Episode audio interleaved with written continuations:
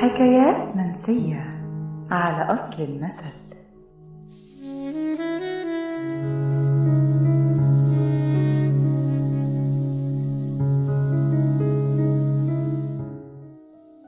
اللي نعرفه عن سبع البرومبا إنه فيلم قدمه رامز جلال سنة 2019 من تأليف لؤي السيد وبطولة رامز وجميلة عوض ومها أبو عوف مع بيومي فؤاد ومحمد ثروت ومحمد عبد الرحمن.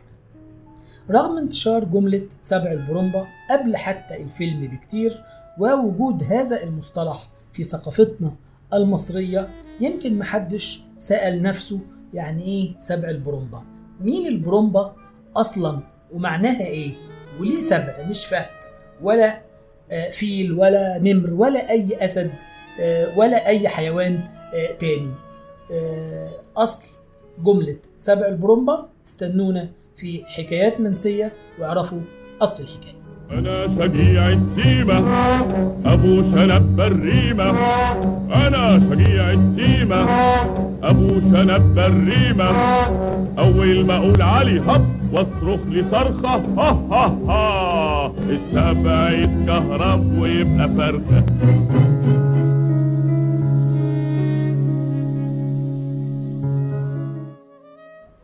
المعروف إن اللغة العامية المصرية اتأثرت بكتير من اللغات القديمة والمعاصرة يمكن بداية من اللغة الفرعونية القديمة. وحتى الآن اللي بيخلي معرفة أصل بعض الكلمات بيكون صعب بنسبة آه، كبيرة. سبع البرومبا أو مثلا لما حد يقول لك تعيش وتاخد غيرها يا سبع البرومبا آه، بعض الزوجات على طول آه، جيت يا سبع البرومبا بتسمع هذه الكلمات في إطار أو في محيط حياتنا القريب جدا مننا ولكن آه، كنوع من السخرية طبعا ولكن للأسف مش عارفين يعني إيه سبع البرومبا السبع المعروف هو اسم من أسماء آه، الأسد ولكن البرومبا دي عبارة عن إيه؟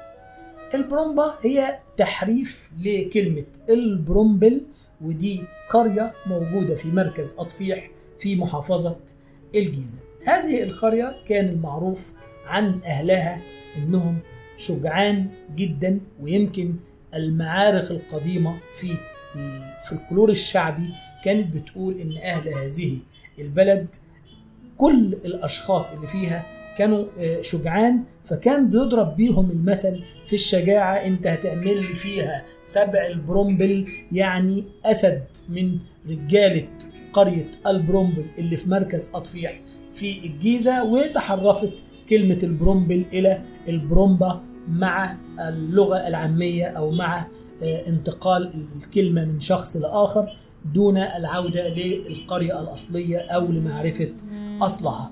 حالا بالا سأصارع أسد إنما إيه؟ متوحش. وحخلي وجهه شوارع. تسيف يا ناس ما يصحش. حالا بالا سأصارع أسد إنما إيه؟ متوحش. وحخلي وجهه شوارع. تسيف يا ناس ما يصحش. تسيف يا ناس ما يصحش. أهو جه أهو جه. تسقيفة بقى. اهو جه اهو جه تسقيفة بقى. تسقيف أمال. تشجيع أمال. تسقيف أمال. تشجيع أمال. تعالى لله لله لله يا حبيبي تعالى لي.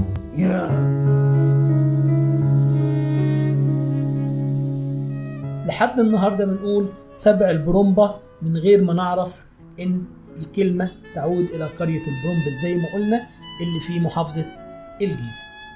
دي حلقتنا النهارده من حكايات منسيه استنونا في حلقة جديدة مع رحاب الدين الهواري من المصري اليوم.